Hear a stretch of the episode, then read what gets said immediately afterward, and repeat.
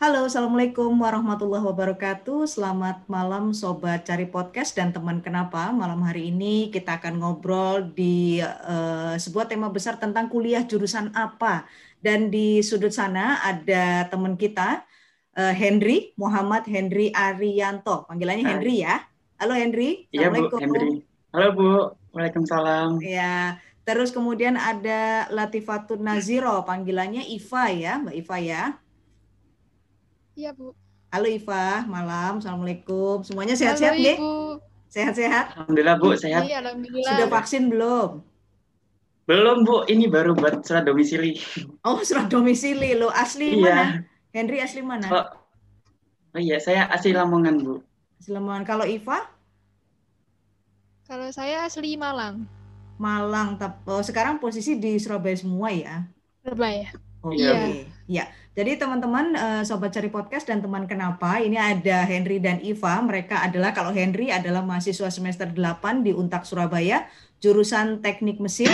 Kemudian kalau Iva sama-sama semester 8 dari uh, Poltek Negeri Malang. Oh, jauh-jauh ya tamu saya di sini akan ngobrol tentang apa sih menariknya kuliah di Teknik Mesin dan Teknik Elektronika. Ya, kita ke Iva dulu mungkin ya karena Iva kayaknya lebih pendiam gitu. Jadi saya lebih tertarik untuk korek-korek Iva dulu.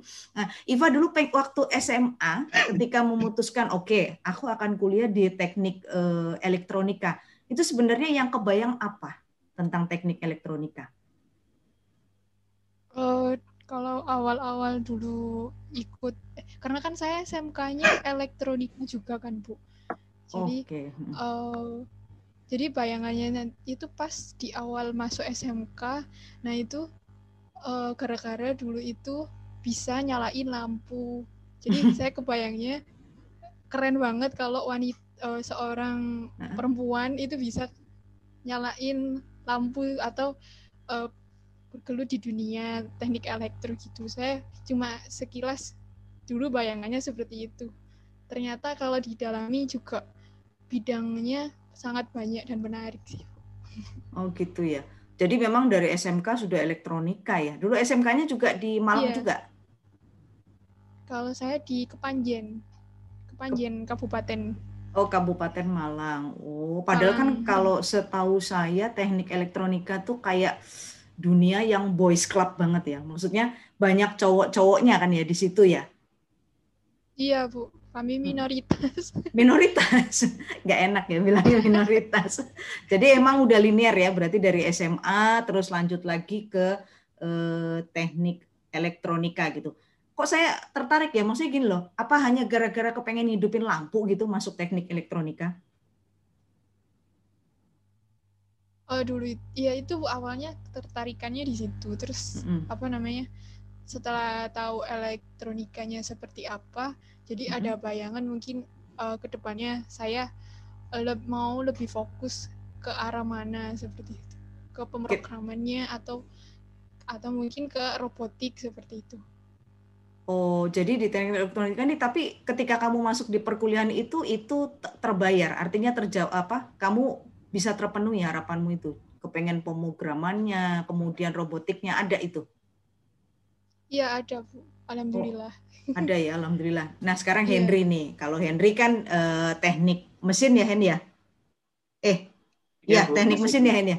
Nah, mesin. itu dulu uh, ya. dari SMA kemudian memutuskan ke teknik mesin, itu kenapa emangnya? Apa yang menarik dari uh, kuliah di jurusan teknik mesin? Jadi dulu itu saya SMK-nya sudah di teknik permesinan, Ibu. Oh, sama-sama SMK. Oke. Okay.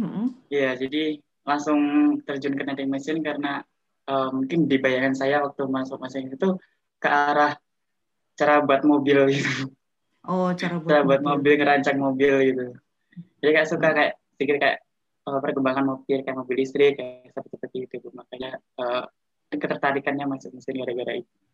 Oke oke. Tapi itu dipelajari ya Hen. Maksudnya uh, waktu kamu di Untak Surabaya ini kemudian harapanmu itu terpenuhi nggak? Maksudnya, oh, oke okay, aku dapat materi tentang gimana sih uh, bikin mesin mobil, misalnya apalagi tadi Henry bilang ada apa perencana perancangan mobil gitu ada?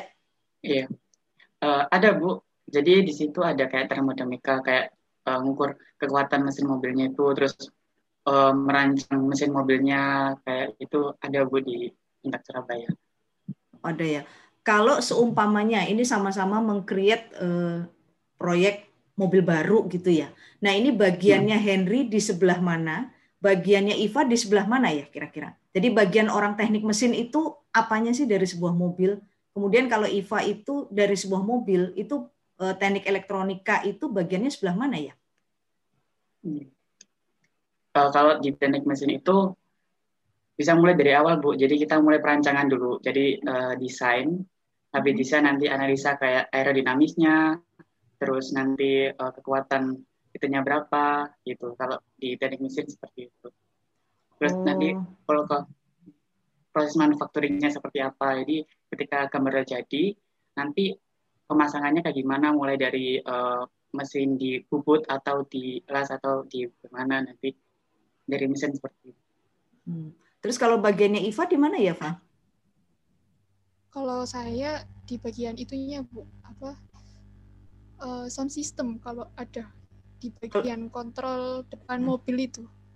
Listrikannya mungkin ya. Apa? Kalau mamanya mobil listrik iya. berarti dia kelistrikannya ya. Oh, gitu. Iya. Ah, kira-kira dua orang uh, sarjana ya, sar kita sebut aja sarjana lah ahli uh, teknik mesin sama teknik uh, elektronika. Ini irisannya ketemunya di mana ya? dalam hal perakitan mobil itu. Di mana pada part itu tuh kalian berdua tuh nggak bisa lepas satu sama lain gitu loh. Itu kira-kira di bagian mana ya kalau proyek sebuah mobil? Saya saya penasaran gitu loh. Mungkin di itu ya di perancangan AC ya karena di AC kan ada kelistrikannya juga. Oh. Jadi termodinamikanya sama kelistrikannya. Iya gitu ya Pak ya. Di di AC mungkin ya.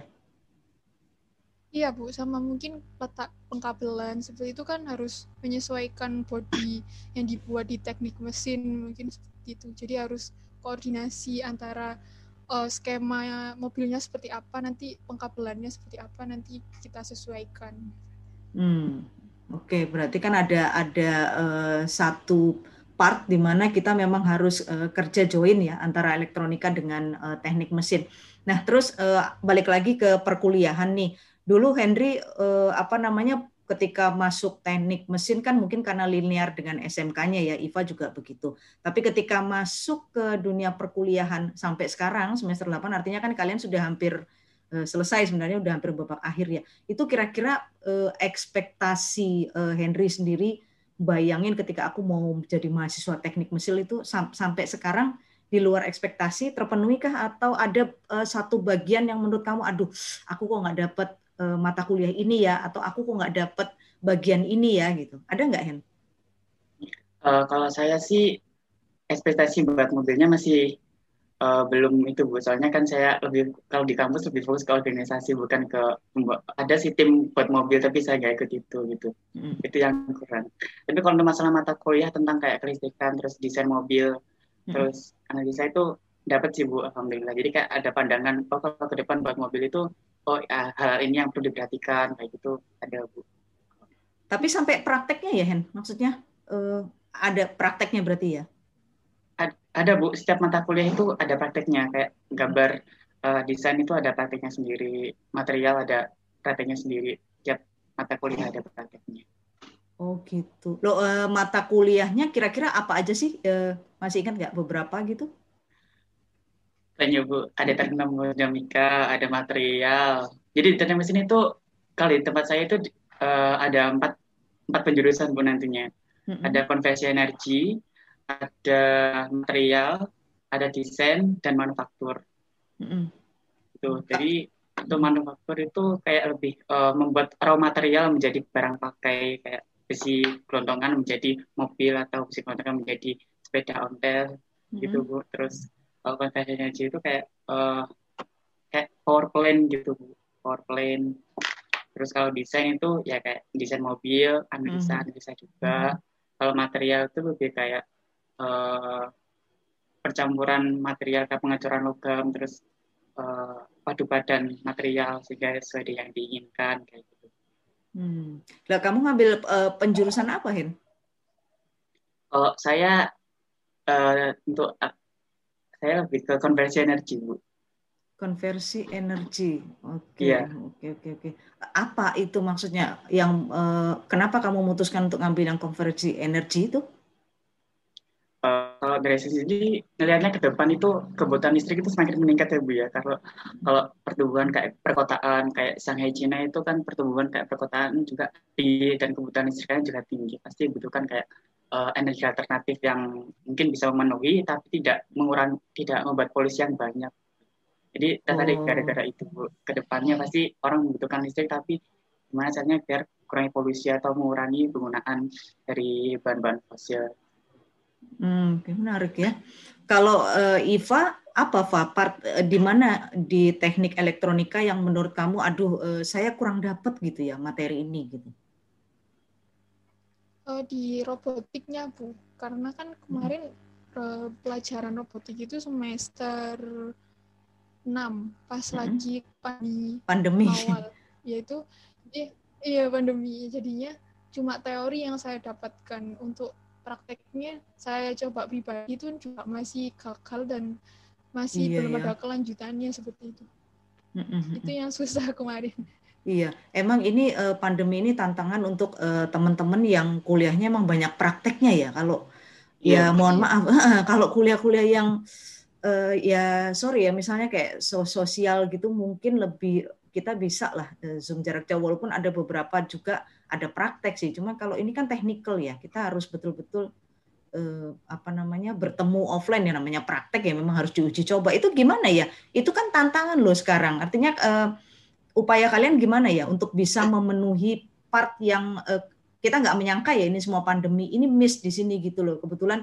di seluruh dunia tuh kena gitu loh dampaknya. Kalian sendiri untuk mengisi kekosongan itu, eh, kekurangan eh, dari praktek itu apa upayanya, Iva? Uh, kalau saya itu lebih ke baca-baca referensi seperti itu. Referensi dari jurnal-jurnal internasional, terus kemudian video tutorial seperti itu. Kadang saya juga menghubungi, sering menghubungi dosen-dosen yang di mata kuliah tersebut untuk biar lebih aktif dan tahu nanti uh, arah arah prakteknya seperti apa seperti itu. Iya iya. Jadi sama sekali sekarang uh, Poltek Negeri Malang belum offline, belum ya? Belum. Belum. Nggak ada rencana juga semester depan ya? Sepertinya belum, belum ada. Rencananya ada tapi ketunda lagi kayaknya. Iya. Di mana-mana begitu ya. nah kalau Henry sendiri kan juga ada prakteknya ini Hen ya itu uh, gimana ya. cara kamu ngatasi yang kayak permasalahan yang Iva tadi? Saya rasa ini semu, uh, permasalahan semua anak-anak ya. Artinya kita akan sangat kekurangan dari sisi praktek ini. Gimana Hen?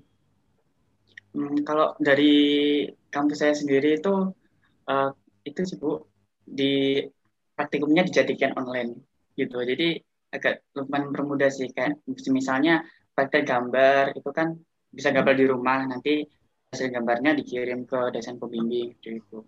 Terus untuk praktikum-praktikum kayak uji-uji tarik itu hmm. uh, kita dikasih data, terus kita menganalisa di rumah gitu bu. Jadi untuk untuk hmm. praktikumnya secara offline-nya nggak ada, tapi untuk data dari lab-nya kita dikasih. Gitu. Jadi bisa tetap uh, mengetahui praktikum.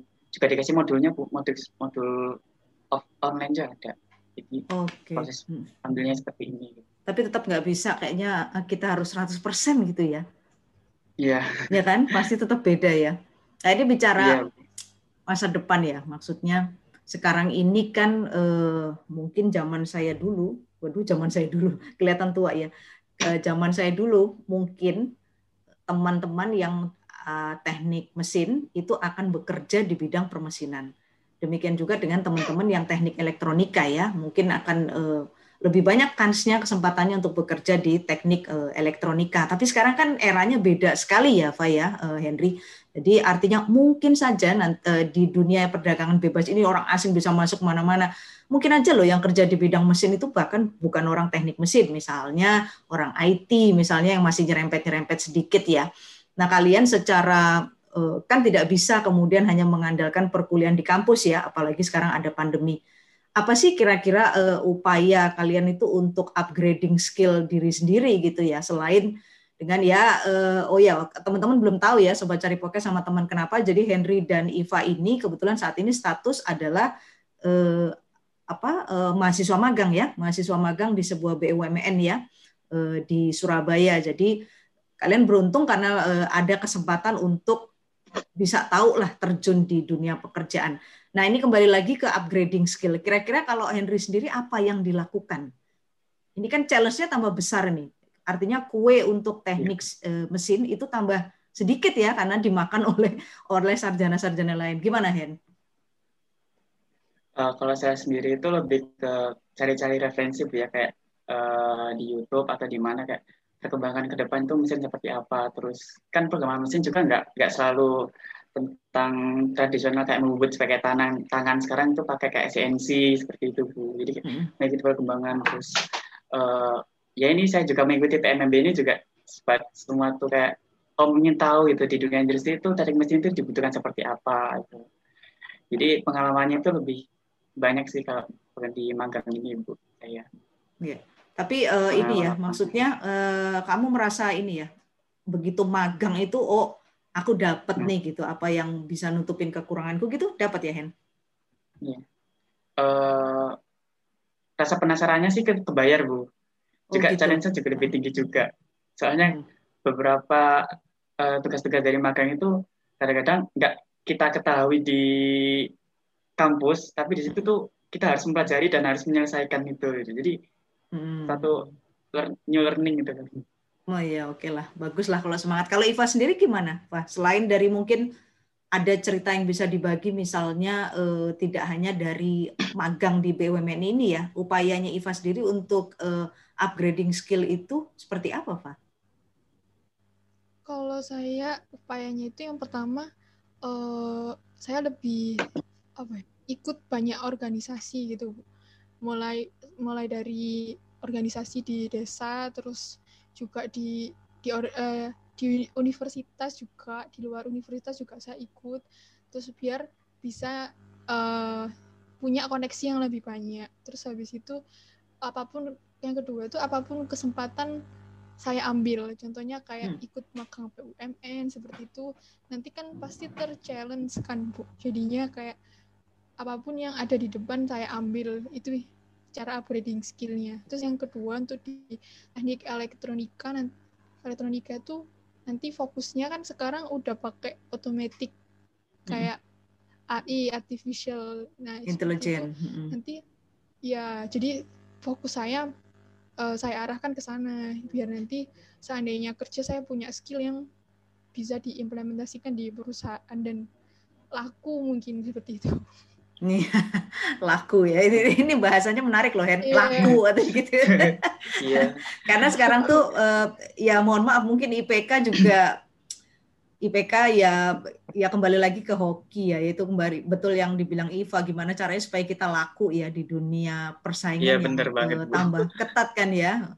Uh, ini terakhir yeah. nih untuk Henry dan Iva mungkin ada tips untuk teman-teman di luar sana yang eh, apa namanya kuliah di elektronika dan di mesin tips baga tentang bagaimana eh, kuliah di elektronika tuh gimana sih supaya kita bisa jadi mahasiswa yang tahan banting dan bisa laku tadi katanya Iva.